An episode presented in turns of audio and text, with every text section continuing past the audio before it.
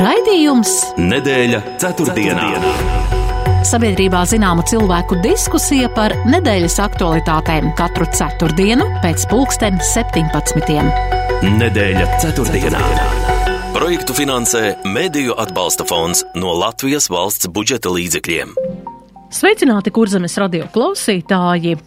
Atkal raidījumā nedēļa ceturtdienā un aizvadām notikumiem bagātu nedēļu dažādās jomās. Ukrainas galvaspilsētā Kīvā negaidot ieradies ASV prezidents Džo Baidens šajā pirmdienā, lai apliecinātu Ukraiņiem un visiem sabiedrotajiem, ka Ukraina cīņā pret okupantiem nav viena, un jau nākamajā dienā uzrunu tautai teica arī Krievijas prezidents Vladimirs Putins, un no tās izriet, ka Krievija turpinās pirms gada sākto karu Ukrainā.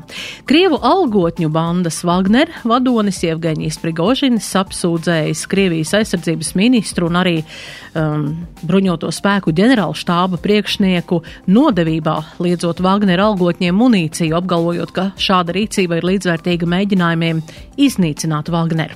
Baltijas jūrā aizvadītajā um, aizvadītajās dienās bija notikums aizdegās kuģis Escape ar bīstamu kravu, bet uh, bez apkalpes tas bija dreifējis Rīgas jūras līča rietumu piekrastē un zināms, ka šodien dot atļauja arī uh, kuģim ienākt Rīgas ostā. No mārta vairākās pašvaldībās Latvijā samazināsies siltumenerģijas tarifi, tā informē Sabiedrisko pakalpojumu regulēšanas komisijas pārstāvi. Tā ir tāda priecīga ziņa vairāku pašvaldību iedzīvotājiem. Tomēr aizvadītās nedēļas nogalē Rīgā Krišjāņa Valdemāra ielā izsaukti ugunsdzēsēji un konstatēts, ka ēkā izveidojušās redzamas plaisas un sāka cilvēku evakuāciju, bet sociālos cilvēki dalījās ar attēliem, ka plaisas minēta minētajās ēkās jau bijušas redzamas vairākus gadus. Cik nopietnas ir jautājums par dzīvojamo ēku drošību un stāvokli Latvijā? Vēl aizvadītajā piekdienā laikrakstā diena publicēta intervija ar pamanāmu virsrakstu, kas un kā pasūtīja Lato Laps un Jurģi Liepnieku. Sarunā ar Guntaru Gūti vidi izmeklētāja Inita Lūra informē par savulaik saņemtu uzdevumu atrast jebko pret minētajām personām vai viņu radiniekiem. Sakarā ar publicēto finanšu ministrs prasīs paskaidrojumu Saimas vida ģenerāldirektorai un Edgars Tavars solījis virzīt jautājumu skatīšanu arī koalīcijas padomē. Šajā nedēļā arī tiek īpaši domāts par 24. februāra dienas pasākumiem, jo aprit gads kopš Krievijas brutālā iebrukuma Ukrainā, un rīt īpašas solidaritātei ar Ukrainu veidotas programmas būs arī Latvijas radiostacijās. Par kādām no tēmām parunāsim plašāk ar šī vakara raidījuma viesiem, un tie ir politologs Juris Rozenvalds. Labdien! Labdien! Un ekonomikas ministrijas mājokļu politikas departamenta direktors Mārtiņš Auders. Labdien! Labdien! Un ievadu jautājums man ir šāds. Mēs parasti raidījumu sākam ar ievadu jautājumu, vienkārši lai iesildītos un, un varbūt arī mazliet uh, uh, sarunātos par kādu tēmu, kas ir pilnīgi neatkarīgi no minētajām tēmām, un tātad par viedierīcēm bērniem. Jo uh, aptaujas dati liecina, ka 61% vecāku mazuļus līdz divu gadu vecumam jau iepazīstina ar ekrāna ierīcēm, lai bērni nejustos vientuļi. Tas ir viens no iemesliem, kāpēc. Biežāk arī, lai, lai vecāki var atpūsties, tad šim mazulītim tiek dota viedierīce. Vai tas ir telefons, vai tā ir planšetīte, vai kaut kas tāds. Kā jūs skatāties uz šādu uh, nu, teiksim, vecāku uzmanības aizvietotāju, un kā jūs redzat, uh, cik tas varētu būt veselīgi uh, nu, jaunā cilvēka uh, attīstībā. Sākšu ar jums, Rozenvalda kungs. Uh, nu, es skatos uh, nevisai pozitīvi, jo, manuprāt, pats arguments, ka vecāki dod bērniem telefonu vai planšeti, lai tie nejustos vientuļi, nu, norāda, ka uh, nu, varbūt vecāki nevienmēr pilda. Es, es jau nerunāju šajā gadījumā, negribu moralizēt un teikt, nu, ziniet, ko tad tikai klāt.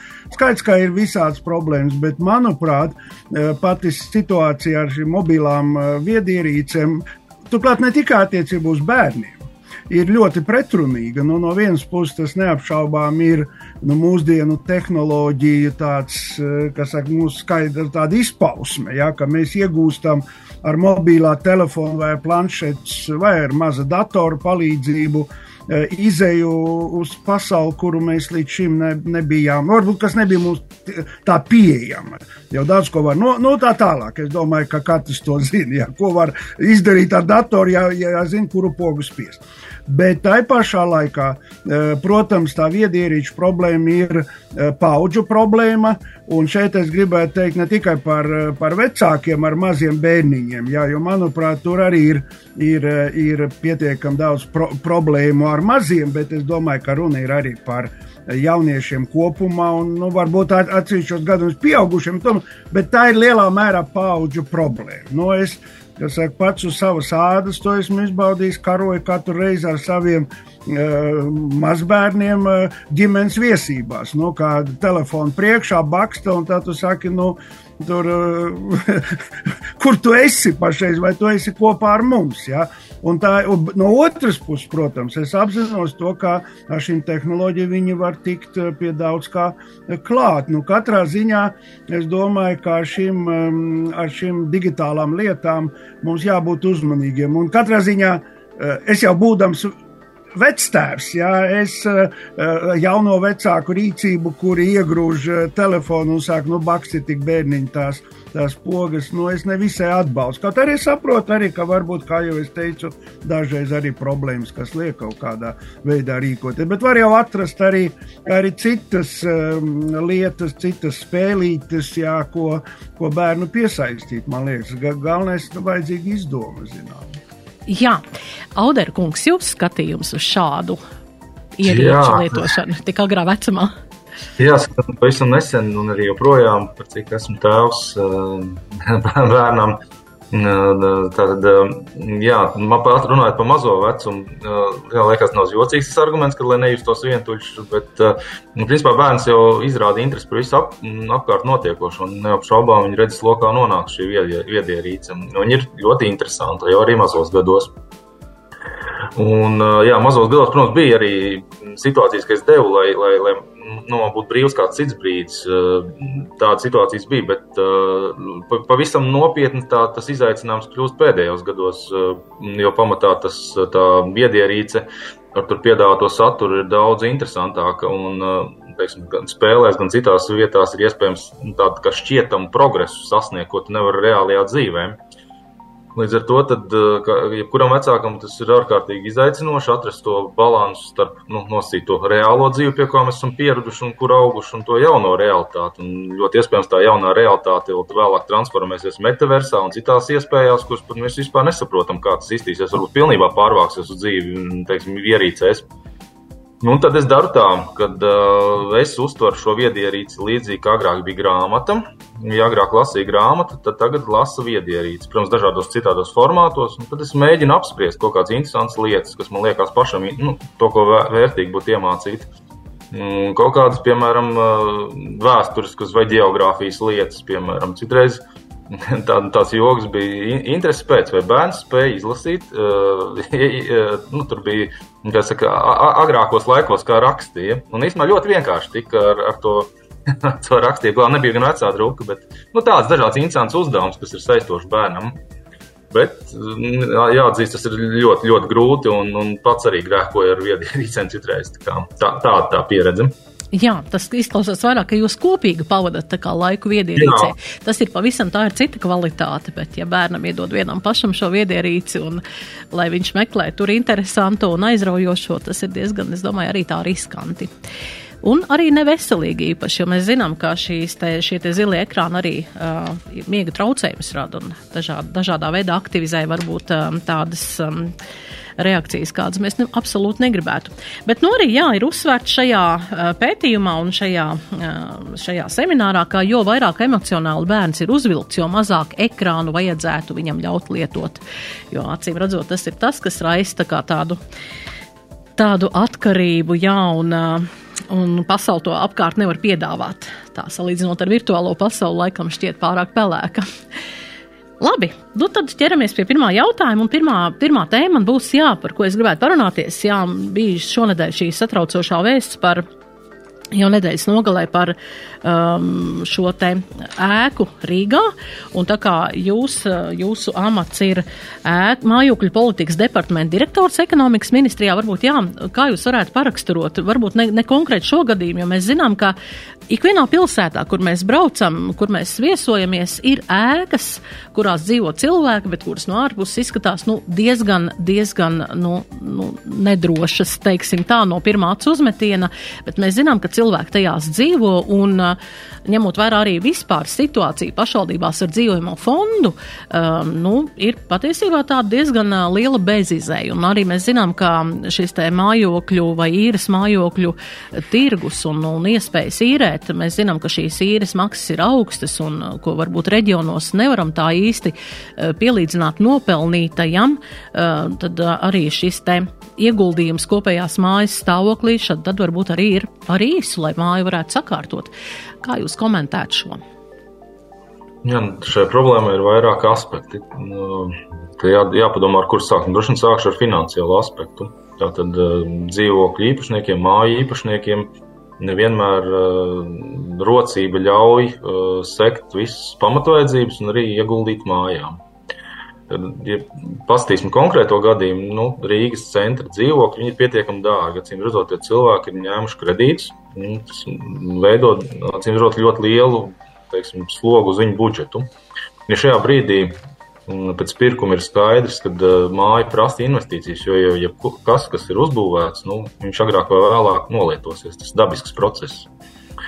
Uh, un, un, un, un māja, kas ir nu, gandrīz simt, simtgadīga, viņa ir pirmskara ēka, nu, tad ir skaidrs, ka ir, ir tās problēmas. Tātad, un, un, tur būs jāieguldās. Un loģiski, ka cilvēks, kas ir noguris pēc darba, uh, īsti negrib iesaistīties mājas pārvaldīšanā, viņam pietiek ar problēmas ar tā pašām viedierīcēm, kas ir bērni jāuzman un tā tālāk.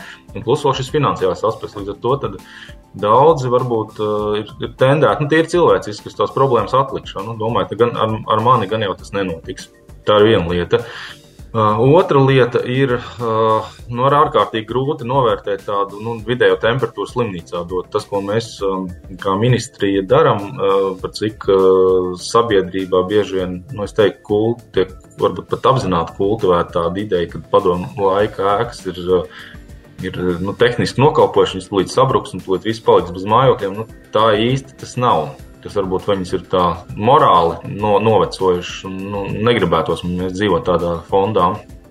Bet, uh, lai, lai teiksim, šo, šo, šo priekšstatu kliedētu vai arī apstiprinātu, mēs uh, esam jau vairākus gadus uh, pasūtam uh, izlases veidā par sērija, sērijām, ēku, ēku sērijas apskatam.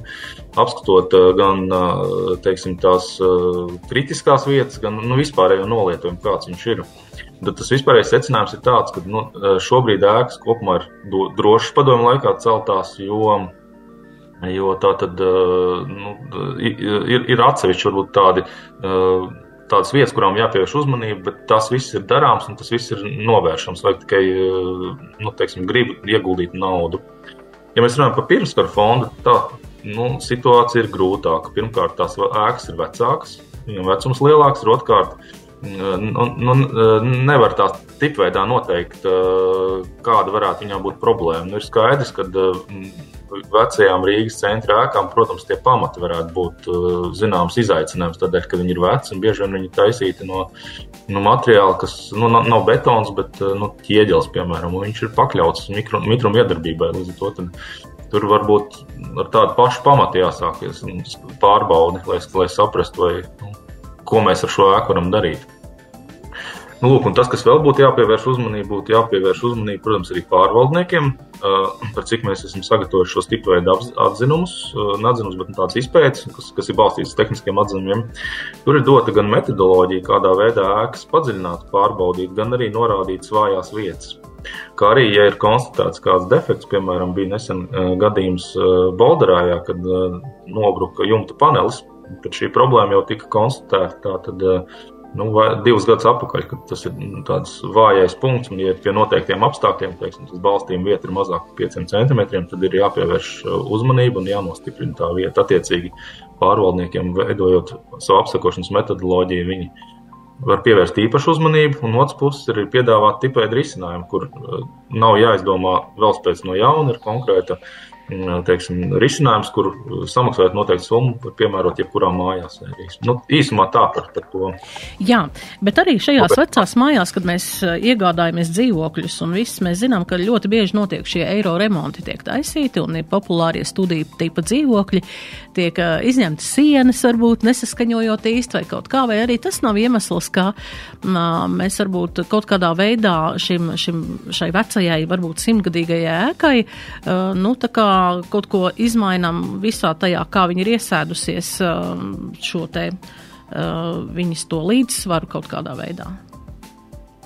Jā, es gan neesmu būveksperts, bet, uh, manuprāt, uh, tieši starpsienu izņemšana vairāk ir kritiski paneļākām, kur viņas visas ir, um, teiksim, ir ļoti svarīgi, lai tas panelis tur atrastos un balstītu nākamo stāvu.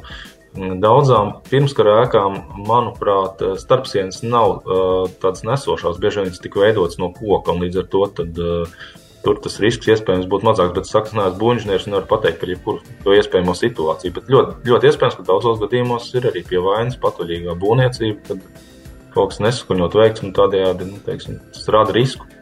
Jā, Rozenvalds, kungs, jūsu viedokli varbūt, ja jums ir kas piebilstams, pēc reklāmas pauzītes pajautāšu, labi? Labi, ir. Nedēļa ceturtdienā. Jā, jā, utilizēsim, norakstīsim. Neiebrauc auzās, netici pārpircēju blēņām, bet pārdod pareizi. Sijā transports tūkums LTD pērk un noraksta nolietotas automašīnas. Bezmaksas transportēšana no Dobeles, Saldus, Kuldīgas, Stalsu, Jūrmalas, Jēlgavas un Tukuma novadiem. Izsniedzam norakstīšanas certifikātu. Samaksa tūlītēja ar pārskaitījumu. Sīkāka informācija Facebook transports tūkums vai zvanot 27 347 347. Nedēļa ceturtdienā. ceturtdienā. Nedēļa ceturtdienā studijas viesi šodien Juris Rozenvalds un Mārtiņš Šauders un runājam jā par mājokļu stāvokli īpaši vecajās mājās, izējot no tā, ka Rīgas, eh, Rīgā bija šis eh, Krišjāņa Valdemāra ielā eh, šis te gadījums, kad tika evakuēti cilvēki, kad pamanīja pamatīgas plaisas sēkām. Rozenvald kungs, jūsu piebilstamais šim, ko dzirdējām? Nu, man, eh, man nav ko īpaši piebilst. Es nejūtos speciālists, lai, lai eh, saka, eh, šajā ziņā izteiktu savu viedokli par lietām, kuras minēja Auderkungs. Jā, tur es paļaujos uz viņa kompetenci šajā ziņā, bet es gribētu turpināt vienu, vienu, vienu domu, kas tur izskanēja. Jā, ka cilvēki bieži vien tā ļoti kritiski e, izturās pret padomu laika mājām, kad nu, tūlīt gandrīz vai sabruks, ja, tādos, nu, nu, kā mēs tādās varam dzīvot. Ja. Un vispār, nu, es domāju, daudzos gadījumos Latvijā tas nav nekāds noslēpums. Ir tāda kā mode visu, kas saka velt uz uh, drūmo padomu pagātni, kas, protams, lielā mērā ir taisnība, bet ne visos gadījumos. Bet šeit mēs, manuprāt, uh, vismaz man tā šķiet, tā ir mana interpretācija, ka mēs saistībā ar šo eh, notikumu, kas, nu, ko jūs minējāt Rīgā Valdemāra ielā, eh, te parādās viena problēma, kur patiešām ir kaut var to interpretēt kā, nu, zināmā mērā, kā tādu pagātnes palieku. Ja? Ko es domāju? Respektīvi, eh, cilvēki nevienmēr apzinās to, ka kaut ko iegūstot īpašumā, viņi uzņemas arī nopietnu atbildību. Un šajā gadījumā, manuprāt, cik es zinu, varbūt es kļūdos, kā arī šī attiecība uz šo ēku Valdemāra ielā, tur tie signāli bija jau iepriekš. Un cik es saprotu, ka tai mājā tie dzīvokļi pieder iedzīvotājiem, un līdz ar to, nu, jā, tā māja ir, ir tagad jūsu kopīgais īpašums, nu tad jāuzņemās atbildība par to, jā, kas netika līdz šim darīts. Jā, cilvēkiem vienmēr ir ar ko aizbildināties, nav pietiekami la daudz laika, nav līdzekļu, bet, nu, piemēram, ja jūsu privātā māja sabrūkties, vai jūs varat tulīt skriet uz pašvaldību un teikt, ziniet, man pienākās, man jumts iebruka. Ja? Nu, lūk, un es gribētu teikt, ka te, manuprāt, ir viena nu, tāda vispārējā problēma, kas iepriekš jau Rīgā ir ļoti spilgti izpaudusies attiecībā uz māju siltināšanu, cik es saprotu. Ja? Ka, nu, tad cilvēks it kā nevar pierunāt. Nu, kā pierunāt? Nu, saka, nē, nu, man to līdzekļu nav. Un šajā gadījumā, manuprāt, iespējams, ka ir tā pati problēma, vismaz nebūdams speciālists, es to saskatu, ka acīm redzot pašvaldībai un varbūt atsevišķos gadījumos valstī, nu, tur kā tu sadalās kompetenci, tā nav mana zināšana, ja, nu, vajadzētu būt iespējai tomēr pateikt, jā, mīlīši, jūs tā, nu, tad to jādara tas, jādara tas, jo citādi, piemēram, ar to pašu siltināšanu, pēc tam visi raud par to, kā, kādi ir tie līdzekļi, nu, dzīvojot mājās, kuras, nu, ir kādreiz domāts, un ne tikai pie mums Latvijā, ne tikai Padomju Savienībā, arī citās valstīs, nu, kā gan jau piekurināsim. Ja? Eh, eh, es ar līdzīgu situāciju kādreiz sastapos Zviedrijā, kur saka, nu, eh, samērā jauna universitātes ēka, kuri jājauc, tā, jā, jājauc tāpēc, ka tā ir būvēta reiķinoties ar lētu naftu, lētu, lēto gāzi un tā tālāk. Tāpēc, manuprāt, šajā ziņā ļoti iespējams, ka šeit vajadzētu domāt arī, arī likumdevējiem, lai tomēr noteiktu šajās situācijās lielāku iespēju iejaukties uh, nu, tādām Eh, kas saka, pašvaldības un varbūt arī atsevišķos gadījumos valsts struktūrā. Jo tas, ka tas ir nepieciešams, gribētu minēt arī vēl citu piemēru. Nu, kādreiz par Rīgas centru braukājot, es skatos uz slaveno ielu, uz, uz uh, Marijas un, uh, un Elizabetes ielas stūri. Cik gadus jau tā stāv vēl, vēl kas saka, no bērnības, es atceros, ka tur bija grāmatu veikals, bet tās graus joprojām stāv. Acīm redzot, nu, es nezinu, vai tas ir, vai Auderkungs piekritīs, ka tas ir kaut kas saistīts saistīts kopā šie manis minētie momenti. Bet katrā ziņā man liekas, ka šeit, acīm redzot, arī šajos gadījumos vismaz tā proaktīvi eh, veidojot politiku, būtu svarīgi arī, lai būtu valstī un pašvaldībām lielākas tiesības vai kā tur kaut kā mainīt tās attiecības. To man grūti teikt. Jā, Auderkungs, vai ir domāts, vai, vai, vai šis gadījums varētu iekustināt arī domāt tādā virzienā, lai nebūtu līdzīgi gadījumi neatkārtotos, vai, teiksim, arī šādu māju īpašniekus, kur ir kolektīvais īpašums, kaut kādas prasības, kaut kādas apsekošanas, lai nebūtu līdzīgi jārisina kaut kādas pēc tam sekas. Jā, tad mēs tā strauji pārslēdzamies. Man kolēģi lauciņi, bet uh, kas par būvniecību atbildīja māju pārvaldīšanu, tas ir, kā es saku, tā nav būvniecība un nav, nav uh, drošības jautājums. Tas ir vairāk par to, lai kā kopīpašnieki var, uh, nu, teiksim tā savstarpēji sadarbojoties un sadarbojoties ar pārvaldnieku var nonākt pie tās būvas drošības. Bet runājot par, par, par par tādiem uh, lietām ir, ir, ir tāda būvniecības informācijas sistēma, kur uh, ļoti labi arī būvvaldē izmantošanā. Un tad pie noteikuma, kad uh, ir visām daudzdzīvokļu dzīvojamām ēkām nepieciešams um, reizes desmit gados vismaz veikt tehnisko apsekošanu, tad būs uh, būvvalžu rīcībā tāda, nu, sākot nezinu, no 31. gada, visticamāk, tas ir vēl vairāk, astoņi gadi. Informācija par nu, riskantākiem objektiem un iespējams kaut kādu tādu, uh, kā lai sakam, nu, prevencijas darbu veikt un uzrunāt tos iedzīvotājus.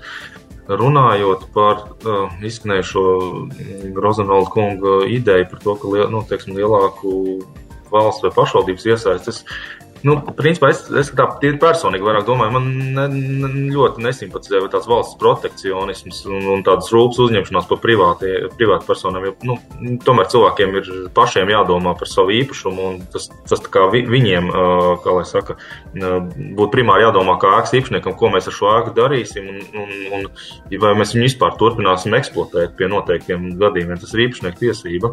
Bet tas, kas būtu jāizdara, es kā piemēru varu minēt, ja piemēram valstī vēlās uh, pāriet uz, nu, piemēram, centralizēto siltumapgādes sistēmu, kurā ir zemāka temperatūra nekā šobrīd. Nu, ar to ir skaidrs, ka, piemēram, mm, padomu laiks ērvīdu ēkām nav iespējams ierīkot grīdas apkuri, nu, kas nodrošinātu zemāku apsildi. Nu, nu, piemēram, tas būtu jādod zināt laicīgi, kad nu, šāds īpašums nu, nu, īsti nav perspektīvas. Es kā piemēram, tas gan būtu jādod zināt, bet tā, tāds protekcionisms un tāda patronāža man īsti, perso nu, vismaz personīgi, nu, ne, neliekas simpātiskam. Jā, Rozenvaldkungs, jā. Nē, nē, es mani pārpratu. Es nerunāju par valsts un pašvaldību iesaistu tādā, ziniet, patronāžas ziņā, bet es teiksim, uzraudzības un, nu, zināmā mērā arī nu, piespiešana ziņā, nu, ka tas ir jādara un, un kas tiek prasīts, īpašnieku atbildība. Tāpēc par patronāžu tur es Alderu kungam pilnībā piekrītu. Nē, es atvainojos, pārpratu. Es, es, es, nu jā, uzraudzības mehānisms ir un tie mehānismi tiek uzlaboti arī, teiksim, kā kādā, kādā veidā laicīgi identificēt riskus.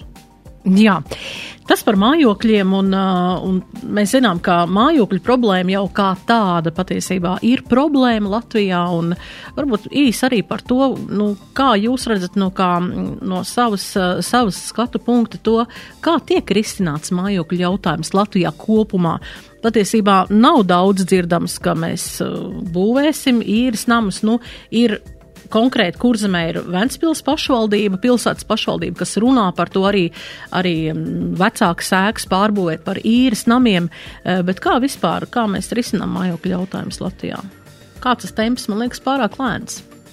Jā, tad te, tas stāsts varētu būt arī diezgan garš. Mm, kā jau saka, sā, sākās jau, protams, ar to, ka mājoklis vispār ir viena no visdārgākajām lietām, kas mūsu mūža laikā, ko mēs pērkam vai, vai maksājam par īri. Un tiek uzskatīts, ka ne vairāk kā 30% no ienākumiem ir tas līmenis, kur nu, būtu jāmaksā par mājokli. Ja mēs runājam par padomu fondu un teiksim, arī vienalga, nu, to fondu, ko mēs ieguvām neatkarības laikā, tas mums bija. Nu, viņš pamatā tika vai nu privatizēts vai denacionalizēts. Kā lai saka, daļa kļuva par dzīvokļu īpašniekiem, daļa kļuva par īrniekiem, un tur bija tāds nu, negribēts īres attiecības. Līdz to tas īres tirgus ilgus gadus pie mums bija nu, nosītīts pusmiris, un, un, un radās vēl dažādas anomālijas, kur tās mājas tika izpārdotas kā domājumās daļas un tā tālāk. Bet uz, uz priekšu, principā, ir jāsaprot to, ka uh, īpašuma iegāde tas vairāk ir uh, orientēta uz uh, nosacītu tādu uh, nodrošinātāko iedzīvotāju mājokļu jautājumu risināšanu visā pasaulē. Līdz ar to viduslānim parasti ir vai nu īri, īres attiecības, un tādam zemāku līmeņu viduslānim bieži vien tāda uh, mazcenas īra, kas ir uh, nu, negluži sociāla uzņēmējdarbība, bet tāda ar, ar sociālu aspektu iet, tiek, tiek ietverta. Līdz ar to tā mūsu mājokļu programma, ko jūs minējāt par Vēnspilsnu un citām pilsētām, viņi, tas ir mēģinājums radīt tādu tā kā zemes uh, peļņas īres fondu Latvijā. Uh, jāsaka, tā ambīcija ir liela, do, tiek domāts vairāk gadu desmit uz priekšu griezumā, bet uh, finansiālais uh, iespējas šobrīd mums ir gaužām mazas. Ļauj tikai 700 mājokļus uzbūvēt. Līdz ar to ļoti būs izaicinoši domāt par finanšu piesaisti, lai, lai šo fondu, kā lai saka, attīstītu. Bet kopumā tas ir, nu, teiksim tā, vairumam no iedzīvotāju būtu tomēr piemēroti īri un tomēr tādiem, kas ir ļoti teiksim, turīgi vai kā citāk, viņiem būtu vai privāta mājas iegāde vai mājas iegāde labā jaunā projektā. Jā. Tas... Runājot par, par, par mājokļiem, protams, kā jūs sakat, tas ir plašs un, un, un apjomīgs jautājums, par ko var runāt un skaidrot klausītājiem, bet šajā brīdī mēs aiziesim reklāmas pauzītē un tad pāriesim uz nākamo tematiņu sabiedrībā zināma cilvēku diskusija par nedēļas aktualitātēm. Nedēļa ceturtdienā. ceturtdienā. Ar ūdenī kā vienmēr, vai nu par daudz, vai par maz, smeltīt no viena grāvja otrā. Nu, redzi, kaimiņ, tev arī sūkni vajag. Liela lieta, lietas, kurā grāvī gribi. Pagrabu vari no slapjuma paglābt, dārzu no sausuma. Un kur tu pirki? Skaidra lieta, veikalā depo. Tur zemes cenas katru dienu. Nedēļa ceturtdienā. ceturtdienā. Nedēļas ceturtdienā Juris Rozenvalds un Mārtiņš Auders šodien raidījuma viesi. Jā, runājam pirmajā daļā pa, par šiem mājokļiem, mājokļu jautājumu un konkrēti arī par mājokļu stāvokli, kāds šobrīd ir pašvaldībās. Bet jā, nevaru palaist garām šo tematu, gribam mazliet tomēr ieskicēt un tādu skatu no malas. Tātad šajā, šajā nedēļā atkal uzmanības centrā, kaut gan jāsaka nosacīt uzmanības centrā, vairāk gan laikraksts par to raksta, gan uh, laikraksts diena, gan arī neatkarīga rīta avīze, un, un uzmanības lokā atkal nonācis vidi.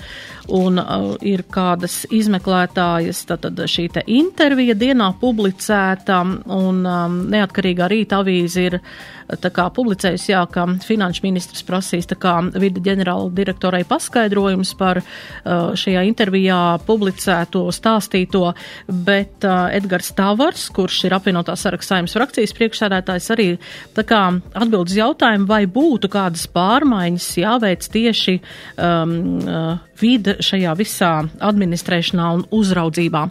Um, Kā jūsu tāds skats no malas par šo? Protams, informācijas ir ļoti maz. Uh, centos atrast uh, dažādos mēdījos vairāk informācijas, un nezinu, kāpēc viņas tiešām ir ļoti maz. Rozenvald kungs, vai jūs kā nu, skatītājs, klausītājs, lasītājs no malas, ko jūs par to spriežat, ka patiesībā, nu, jāsaka tā, nu, visi klusē? Es varētu turpināt to, ko jūs teicāt, ka informācijas ir ļoti maz un nav skaidrs, par ko īsti, nevis par ko īsti ir runa, bet, bet kas tur īstenībā notika. Ja? Un šajā ziņā iznāk, ka vispirms mums vasarā saka, ka jā, noziedzīgā grupa ir atklāta, pēc tam viena, cik es saprotu no šīs tās noziedzīgās grupas um, dalībniecēm, pēc tam, kad viņa kā es saprotu, četrus mēnešus pavadīja ieslodzījumā, tagad dod šo diezgan skandalozo interviju. Un redziet, man gribētos teikt, ka šīs, šīs notikums, jā, par kuru es maz ko varu teikt, uh, faktiski ir jautājums par to, uh, cik um, atklātas publikai ir tādas ļoti slēgtas, no vienas puses, saprotam iemeslu dēļ slēgtas institūcijas kā VITS, un kā prokuratūra. Jo saprotiet, no tās intervijas var saprast, ka arī prokuratūra teica, ok, jā, dariet to. Jā. Šajā ziņā kaut arī uh, tur tā iesniegums ir uh, drošības dienestam, jā.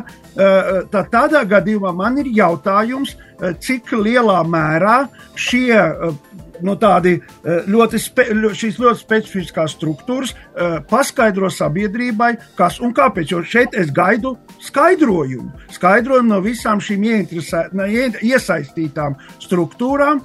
Un tas man, ziniet, man rodās, nu, es, saka, diezgan viena asociācija, un es gribēju šeit minēt, jūs atceraties, kad bija, bija nu, tāds mazliet skandalos notikumi ar TV Reini, ar Došķu tad, kad viņam liedza, liedza, liedza šo apraides licenci. Ja?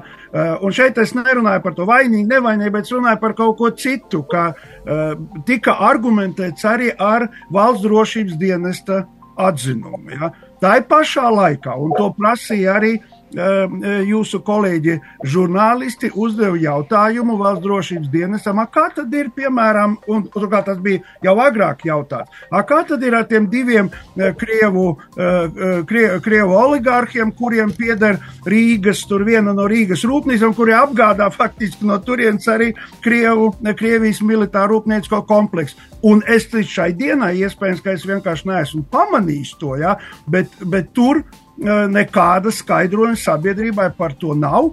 Un tās arguments izskan diezgan jocīgi. Nu, viņi taču nebija Eiropas uh, Eiropas teiksim, sankciju sarakstos. Ja? Piedošanu, bet ja viņi apdraud mūsu šādā veidā, mūsu, iekšē, mūsu drošību, nu, tā tādā gadījumā es gaidu rīcību no tām institūcijām un atbildi, varbūt paskaidrojumu. Mēs to nedarījām tāpēc un tāpēc. Mums tas neliekas tāpēc un tāpēc svarīgi. Tas jau neatklāja viņu virtuvi. Lūk, šeit es redzu pašreiz to problēmu, kas ir saistīta ar, arī ar šo vēstuli, jā, ka kaut kas notiek, kaut kādas baumas klīst atpakaļ atpakaļ, bet, uh, apkārt, bet um, uh, atbildīgās institūcijas, nu, tā kā tur mūsu neziņā, manuprāt, nav, tas nav īsti labs uh, pareizs rīcības, rīcības veids no viņu puses. Jo šajā ziņā mēs būtu pelnījuši, lai tā, tā situācija mums tiktu izskaidrota. Pagaidām ir klusums, kā jūs pareizi atzīmējat. Visi, vi, visas oficiālās struktūras izliekas, ka it kā nekas pagaidām nebūtu noticis. Un tas mani nedaudz uztrauc. Jā, um, nu, arī Edgars Tavars virza jautājumu koalīcijas padomē. Tā kā kaut kas kaut kur notiek, bet viss ir tā ļoti, ļoti. Mm ļoti kluss. Un arī bijusī vidu finanšu policijas izmeklētāja Karina Plaudi ir sniegusi savu viedokli par šo te izskanējušo informāciju dienā, par šo te uzrakstīto. Un, un īstenībā noklausījos šo interviju un teikšu arī pietiekami interesanti, lai tai nepievērstu uzmanību. Tā kā, nu jā, gaidīsim kādas, kādus viedokļus, kādus skaidrojumus un kādu ieskatu tajā, kas tad īsti notiek mūsu. Uh, teiksim, augsta līmeņa struktūrās. Vai jums, Auderkungs, ir par šo arī kāds viedoklis? Jā, es gan jā, esmu pamanījis virsrakstus, bet nē, es tālāk ticu, jo bieži vien tie ir maksas raksti, vai, vai nu, tā nevar īsti izlasīt to, to, to visu stāstu, bet nu, es varu pilnīgi pievienoties arī Rozenvalda kunga teiktiem, nu, par cik mēs esam demokrātiska sabiedrība, un, un mums ir, protams, ir iekšējie jautājumi jebkurai organizācijai. Un, savukārt no, no malas uh, iedzīvotājiem bieži vien ne, nav saprotams tās pašas ekonomikas ministrijas kaut kādas darbības vai, vai kas cits. Līdz ar to ir ārkārtīgi būtiski. Uh, ja ir kāds jautājums, tad par viņu paskaidrot sabiedrībai, kādēļ ir, ir, ir šādā vai citādā veidā tas jautājums risināms.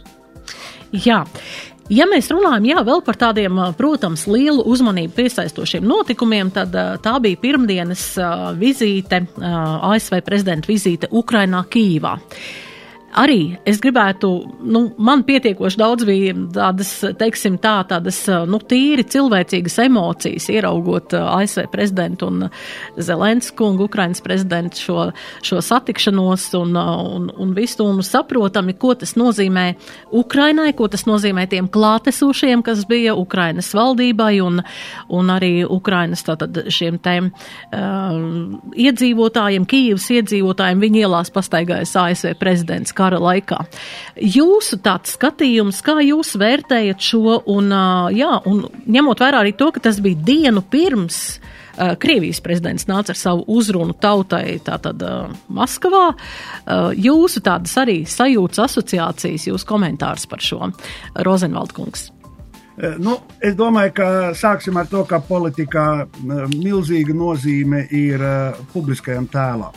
Eh, kā izskatās viens vai otrs politiķis, un tā ir liela daļa no, no panākumiem un no viņa tālākās, varbūt eh, tā, ko viņš vēlāk var sasniegt.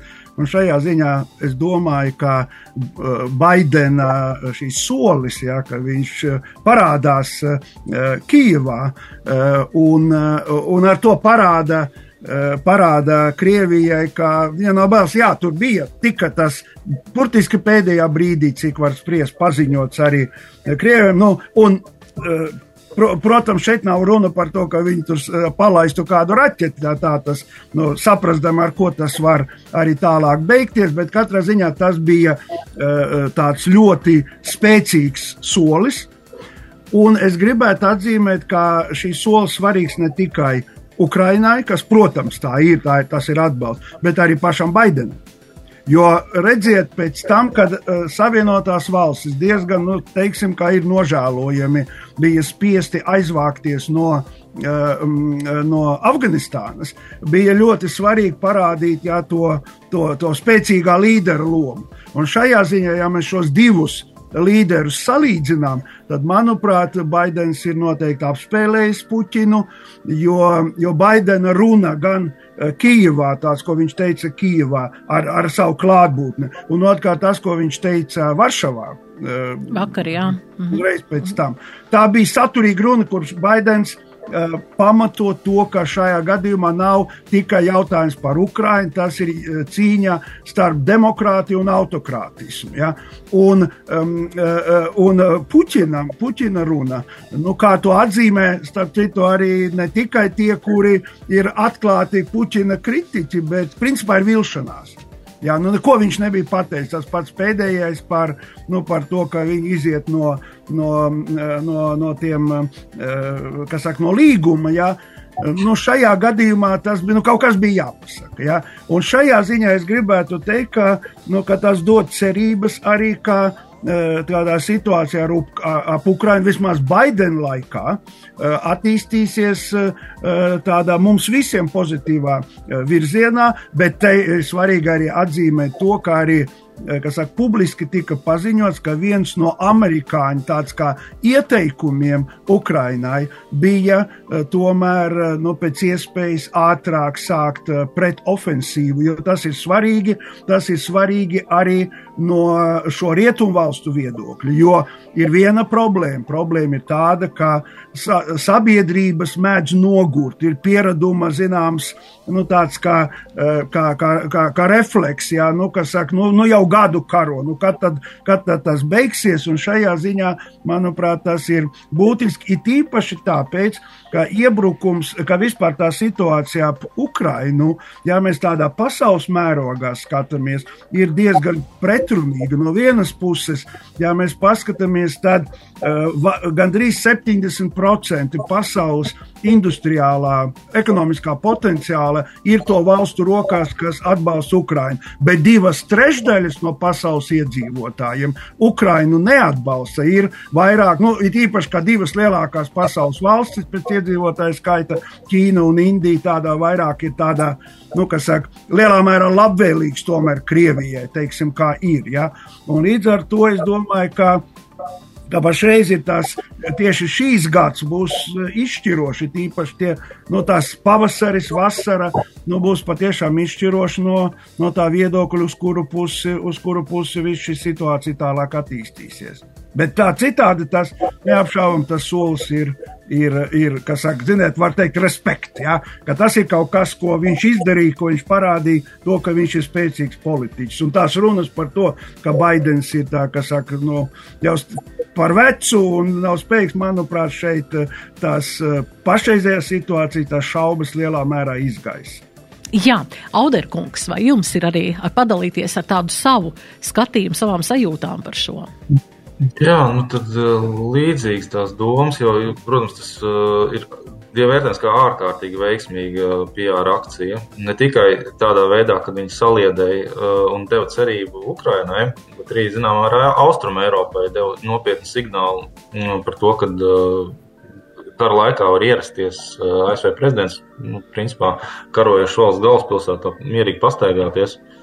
Tas ir ārkārtīgi, manuprāt, tāds spēcīgs nu, pliķis uh, Krievijai, Krievijas propagandai, kas um, to, nu, teiksim, Baidenu iztēloja tādu vecu marismātiķu, kurš knapi tur uzkāpa pa trepēm turpretī. Kā saka, bērnu grils stila fotosesija ar, ar, Putinu, kurš jāju zirgi tur un Foze ar Šoigu tur ieročiem rokās. Nu, īstenībā pilnīgi kaut kas pretējs. Tur pat jebkuram saprota tādam elementāri domājušam cilvēkam, ir, kas spēj salīdzināt to blāvo Putina uzrunu ar, ar to, ko viņa, teiksim, demokrātiskās sabiedrības, nu, teiksim, tā, laikam, vadošās valsts līderis izdarīja tajā laikā, nu, absolūti nesalīdzināms. Un es domāju, ka tas nu, arī grauj, manuprāt, nu, to Krievijas propagandas jeb kādu nu, tādu spēku arī, arī Krievijā. Viņi, protams, to redzēja un salīdzināja. Jā, bija interesanti arī tas, ka par šo te, kad uh, īsi pirms viņa ierašanās tika uh, sniegta informācija, tika informēta Krievija par to, ka būs, uh, būs Ukrainā šis Baidena vizīte, kā propagandas kanāli to pasniedz, ka tika nu, atļauja prasīt, vai, ka viņi vēlētos uh, ierasties Ukrajinā. Bet nu, tur interesanti bija arī tas, ka šie uzaicinātie viesi šajā kanālā neatceros, vai tas bija pie Solovjova vai pie kur tas bija. Bet ka šie viesi teica, nē, viņi, viņi informēja, nevis lūdzu atļauju. Viņiem visu laiku sanāca pašiem savā starpā tāda nesaskaņa. Jā, bet ja ņemam vērā arī to, ka uh, šis te Vāgnera vadītājs īpašnieks um, Prigožiņš ir kā, sācis tā kā nu, apvainot un tā kā, nu, tā kā uzteikt eh, Krievijas šo te militāro vadību. Kāds signāls tas ir varbūt īsi vēl par to, un tad eh, mums arī raidījums tā kā ir beidzies gandrīz jau. Rozenvaldkungs. Jā, es gribētu teikt, ka šīs Prigožina solis jau parāda no vienas puses tās pretrunas starp armijas vadību un, un viņa tādu, nu, kas saka, algotņu, kas saka, karaspēku. Ja?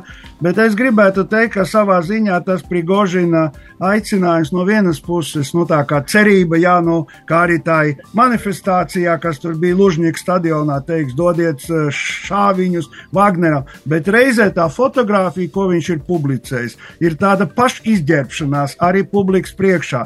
Ja jūs esat redzējuši, un kādam tas ir atrodams tīklos, jā, redzēt, tad tas ir, nu, skats ir briesmīgs, kaut kur tāda laukums, kurš ir ar, ar līķiem, bet viena, manuprāt, ļoti raksturīga detaļa, kas parāda to morālo eh, stāvokli, kas tur valda tajos okupantu spēkos. Ja. Eh, tie daži līķi ir izģērbti, viņiem nav ap, apavu, Un tas nozīmē, ka pēc būtības eh, Krievijas, tā Wagnera, tā, eh, tā komanda, jā, vai tur eh, nodarbojas ar marodierismu, jā, noņem no saviem kritušajiem apģērbu vai kaut ko, un tas parāda to, nu, saka, to morālo degradāciju, jo, kas likumsakarīgi ņemot vērā to, ka man liekas, vairākumam Krievijas, kaut arī to cilvēku, kas atbalsta Puķinu, nav skaidrs, par ko tad īsti šīs karš ir. Kam dēļ Tie nu, pašreiz jau tiek rēķināts, ka kaut kur tie Krievijas zaudējumi varētu būt ap 200 tūkstoši kopā, un tas nozīmē kaut kur ap 50 tūkstoši kritušo. Jā, nu, tas ir milzīgi cipari. Ja? Un tas eh, nu, redzēsim, kā tālāk šie procesi Krievijā attīstīsies. Bet nu, pašreiz tas, manuprāt, eh, parāda to, ko es jau esmu teicis. Ja? Jā.